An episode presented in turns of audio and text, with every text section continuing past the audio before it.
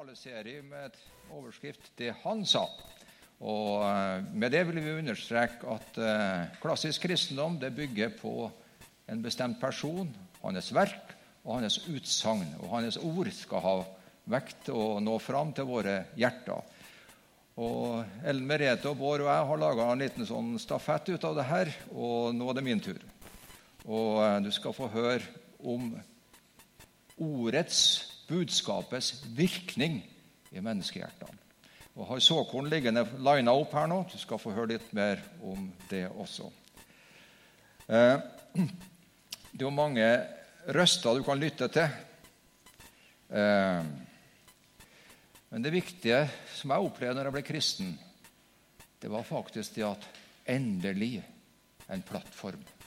Endelig noe å resonnere og tenke og leve ut ifra. På den tida så studerte jeg matematikk og fysikk veldig hardt. Og Der har du noe som heter grunnleggende forutsetninger. Aksioma heter det på vakkert språk.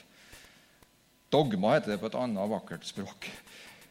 Uten grunnleggende forutsetninger kommer du ingen vei.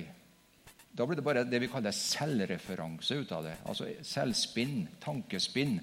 Men får du noe utenfor, en plattform, en referanse, en fast grunn, så har du springbrettet der. Da kan du leve et liv med et budskap i hjertet, og du kan liksom eh, representere noe som er utenfor deg selv, og større enn deg selv. Og akkurat den der opplevelsen tenkte jeg å fokusere litt eh, her nå. da. Det er mange som har eh, kommet med lignende utsagn. Og det er en viss tørst har vært i kulturen også på å få tak i, i viktige ting som går utover det teknologiske og utover liksom det populære og det som ligger innbakt i mainstream-kultur. For det kommer jo og går, liksom. Men hva er det faste? Hva er det som står der, og som er varige verdier? De evige ordene som vi bruker å synge om i en kjent julesang. Hvor er de?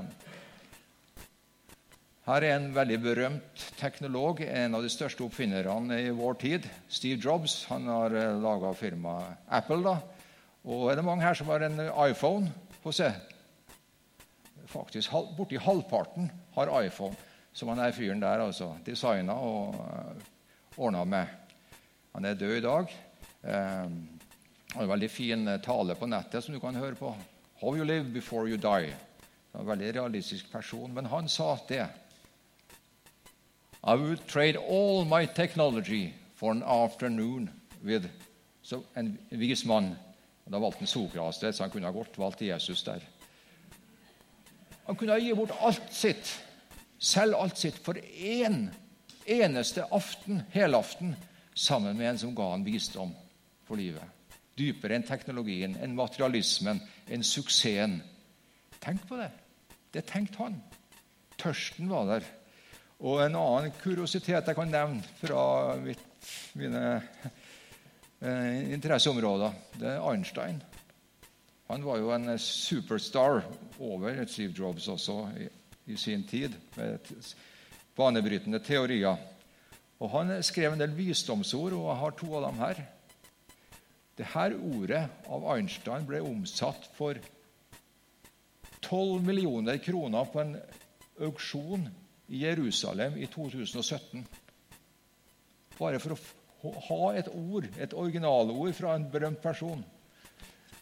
Og det er slik, da eh, Stelles bescheidenes Leben gibt mer Glück als erfolgreiches Streben, verbunden mit beständige Uroe. Det var til ære for våre tyske gjester her. Altså, eh, Et rolig og nøysomt liv gir mer lykke enn leting etter suksess, som innebærer en permanent uro. Så jaget vi kjenner til mye på mange arenaer. Det er ikke det beste. Et nøysomt liv, rolig og nøysomt liv med et annet budskap i hjertet enn suksessen og strevinga, er altså saken selv for Einstein. 17 millioner kroner. Vi kan ha handlepris etterpå. Jeg har det her. En annen versjon. Eh, Einstein skrev en del sånne ting sånn, Istedenfor å gi tips, så ga han en, et lite sitat til folk. Her kan du få med denne lappen her. Og det hadde en viss verdi, da. og det, eh, det, det her ble solgt for 1,9 millioner i Jerusalem. Wo es Wille ist, da ist es auch ein Weg. Og så, Der det er vilje, der finnes det også en utvei. Det sa han. Visdomsord. Når menneskers visdomsord har så høy status, hvor mye mer skulle vi ikke da vektlegge Jesu visdomsord og la det virke inn i vår, våre liv og guide oss? Og ikke være sånn modernister som liksom hører på den ene og andre og tredje. La det stabile, det store, få prege oss. Så du skal fortelle den såmannslignelsen. Og husk at når Jesus sto foran sitt største avhør i livet, foran Pilatus, foran rettssaken, spurte Pilatus nettopp hva er sannhet. Hva er sannhet? Han hadde den der suget i seg, som, eh, som har referert før her. Hva er det som er sant, som står seg? Og da sa jo Jesus Det han som var sannheten. Og så la han til Hver den som er av sannhet, hører røsten. Den røsten der, få tak i den, jakte på den, for den er den som bærer livet i seg. Og såmannslignelser, den er veldig berømt. En historie bak den også for mitt vedkommende. Jeg var liten gutt. Jeg samle, var litt interessert i frimerker. Og Så fikk mora mi et brev en gang. Så så jeg frimerket der. Og så ble jeg utrolig fascinert av fargen. Høstgul, altså gulbrun farge. Og da begynte jeg å samle på frimerker. Sånn kan en gutt tenke. altså. Så jeg samla på frimerker litt av og på siden det. Og det så man og han sår med visjonen, med fargen, med høsten, det modne i blikket. For fargen der, det er en visjon som ligger der i det han går ut og ønsker å gjøre jobben ved hjelp av såkornet. Og mange kunstnere har tegna det samme, og brukt samme, van Gogh blant annet, og brukt samme fargepalett altså for å skildre det her om å høste. Du tenker framover. Alle av den stilen der, det er våre slektninger som er misjonærer i Tyrkia, som står ute i solsikkehøsten. Det er fantastisk vakkert. Det der opplever ikke vi i Norge. Altså, men hveteåkeren ligner litt. da. Det står der, og det er deilig å se. Det har skjedd noe, det har skapt en forandring. Såkornet har gjort en jobb i vår sammenheng. Nå skal vi høre lignelsen fra Lukas kapittel 8. Det er en lignelse som illustrerer en åndelig sannhet og Det er liksom også en alvorlig lignelse, for den sier at ikke alle som hører, når fram til frelse og til det evige liv. Så det er en selvransakelse og en, en, opplysning til oss som vi må ta med oss. Eh, når Jesus fortalte her Det er fire typer hjertegrunnlag som ordet går ut, og så å si. Og det er ikke alle som når fram. Den som sår, det er menneskesønnen, og åkeren, det er verden. Så da leser jeg lignelsen sånn som han tok den. En såmann gikk ut for å så kornet sitt. Og da han sådde, falt noe ved veien. Det ble tråkket ned, og fuglene under himmelen kom og spiste det opp. Noe falt på steingrunn, og det visnet straks det kom opp, fordi det ikke fikk hvete. Noe fant blant tornebusker, og tornebuskene vokste opp sammen med det og kvalte det. Men noe falt i god jord. Det vokste opp og bar frukt, hele hundre ganger det som ble sådd. Da han hadde sagt det, ropte han ut. Den som har ører, hør. Det var tydelig at det der lå på hjertet hans å fortelle lignelser. Og Disiplene ble jo litt sjokkskada av det der tydeligvis for dem etterpå. Så sa de til ham når de var alene da, Kan du fortelle hva det her betyr egentlig? Så vi får alle detaljene, så vi slipper å, spekulere for mye. Og det fikk de. Da sa han helt klart at kornet det er Guds ord, Jesu ord. Det er altså selve ingrediensen som brukes for å produsere resultater. Så bygger det på andre ingredienser, så er det altså feilinvestering. Det er ordet som er frelse, det er det som er bærekraft, det som trenger gjennom marg og bein og bringer oss fram til målet. De som får korn ved veien, de hører. Det står de hører, de tar imot det. Men så er det en annen person som er aktiv her i verden, dessverre. Veldig aktiv nå for tida, har man inntrykk av. Det er djevelen. Han stjeler, myder og ødelegger. Og han tar kornet fra, gjør oss blind for hva frelsen betyr.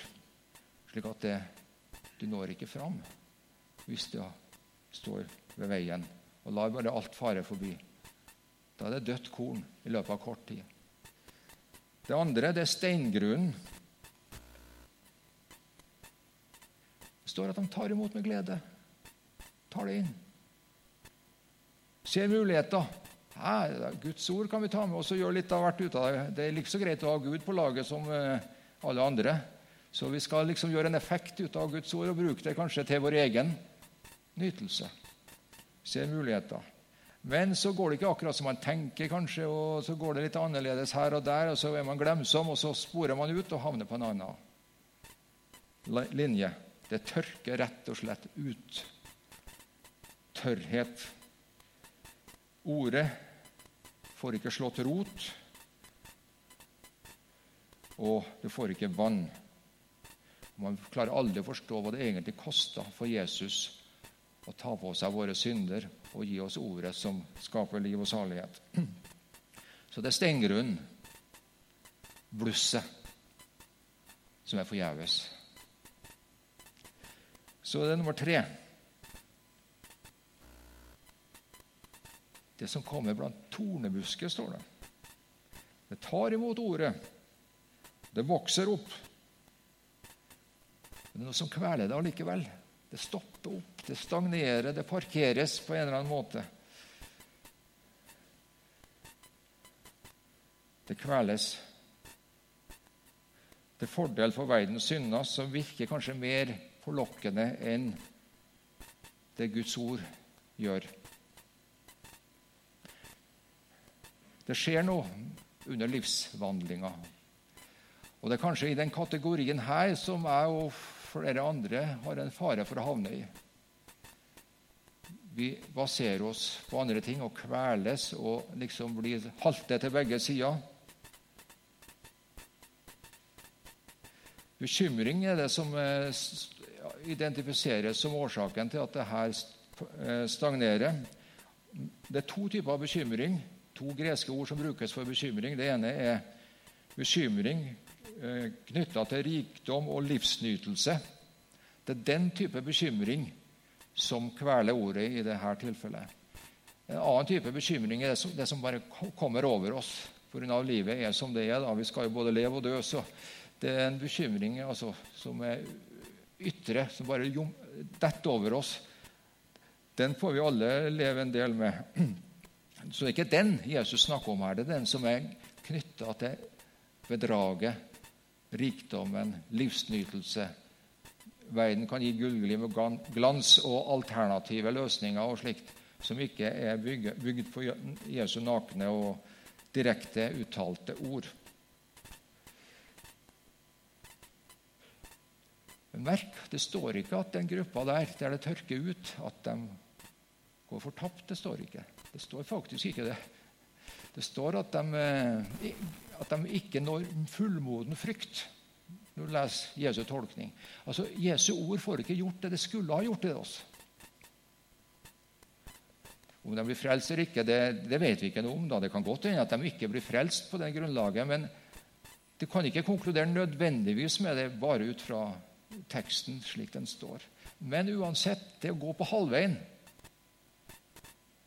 det ligger i det. Det kveles, kverkes, får ikke gjort den fullbyrda historia i vårt vår familie og vårt personlige liv og vår framtid. Det kunne blitt så mye annet. Tornebuskene konkurrerte med ordet, og det ble ikke full vekst ut av det. Så det fjerde det gode jord. Høre. Ordet blir levende. Det spirer opp og gror. Du får et liv og et håp som står imot løgner om liv fra verden og livets utfordringer. Du lytter deg inn for sannheten. Og Jesu ord er jo tross alt talt ut til verden for at folk, vi skal lytte på det. Og ta det inn og basere livet på det. Du lytter, og Gudsordet styrker vår tro, og vi bærer frukt. Og så står det i, litt senere her i et fint og godt hjerte. Vi snakka på styremøtet om velluft. Det er noe atmosfære i det som eh, jeg har veldig sans for, egentlig. Gode atmosfæren, den gode eh, fellesskapet. Du kan komme hvor som helst i verden oppleve det der fellesskapet. Jeg har vært mange plasser. En gang havna han på en kinesisk gudstjeneste i Taiwan. Jeg skjønte ikke, absolutt ikke et ord. altså. Null og niks, til og med noen tekster på veggen. Skjønte jeg ikke et ord. Atmosfæren var der. Fantastisk. Det fine og gode hjertet, det gikk jo i susende, altså. Ok, det er de fire typer av jordsmonn. Såkornet det er veldig lite. Unnselig. Rett og slett ussel. Jeg har lagt ned et såkorn her. Gressfrø, hvete, boghvete og sesamfrø. Dere så sesam... Nei, solsikkefrø. Dere så solsikkehøsten her. Hva er et sånt frø Jesus snakka om? Er det så us, us, er lite, liksom? Så ubetydelig? Det der har vart i tusenvis av generasjoner. Det spirer. vet du. Det lager en plante ut av det. Det kan bli et helt tre hvis du har den type frø. Eh, det er enorm spirekraft i et frø, selv om det er så lite. Tar du din iPhone eller den beste bilen du har, noen gang har, så bryter den sammen etter noen år. Det her har vart, altså. Så det er bærekrafta i ordet som er helt unikt og slår alt ut av, ut av banen. Så, så, kraft er det i ordet, selv om det ser så puslig ut. Det syns jeg, også. Men det, men, det, men det er der Jesus har lagt inn hele framtida til sitt rike, når det får rot i vårt hjerte og bærer oss til målet. Så Lignelsen her den skal forstås slik som den blir forklart. Det er ordet som er vårt grunnlag. Det er grunnlag for liv og lære til alle klassiske kristne kirka. Det står samtidig at mange mister frelsen på sin vei. Og det eneste middelet Jesus har, det er ordet, som skaper nytt liv i oss. Men så gjør det mer det skaper ikke bare frelse, det skaper framtida også. Livsgrunnlaget, aksiomene, dogmene, de grunnleggende forutsetningene du skal tenke ut fra. Så du slipper all den der evige selvreferansen, som vi kaller det faglig. For den, det er bare spinn. Men du må ha noe ytre, noe ytre å gå på. Noe som bærer liksom gjennom eh, bølgene som tross alt garantert kommer, og ikke minst alle meningene som kastes innpå oss i dag. Du trenger å filtrere det gjennom det guddommelige filteret som er gitt oss i Ordet. Så slipper du å følge dine egne lyster og veier bort fra troen og sannheten, men du har en forankring. Du slipper å bli lunken og sånn halvkristen og sånn litt der og litt her. Du står der og vet det her er min viktigste identitet og det som jeg tar med meg helt inn til den siste time.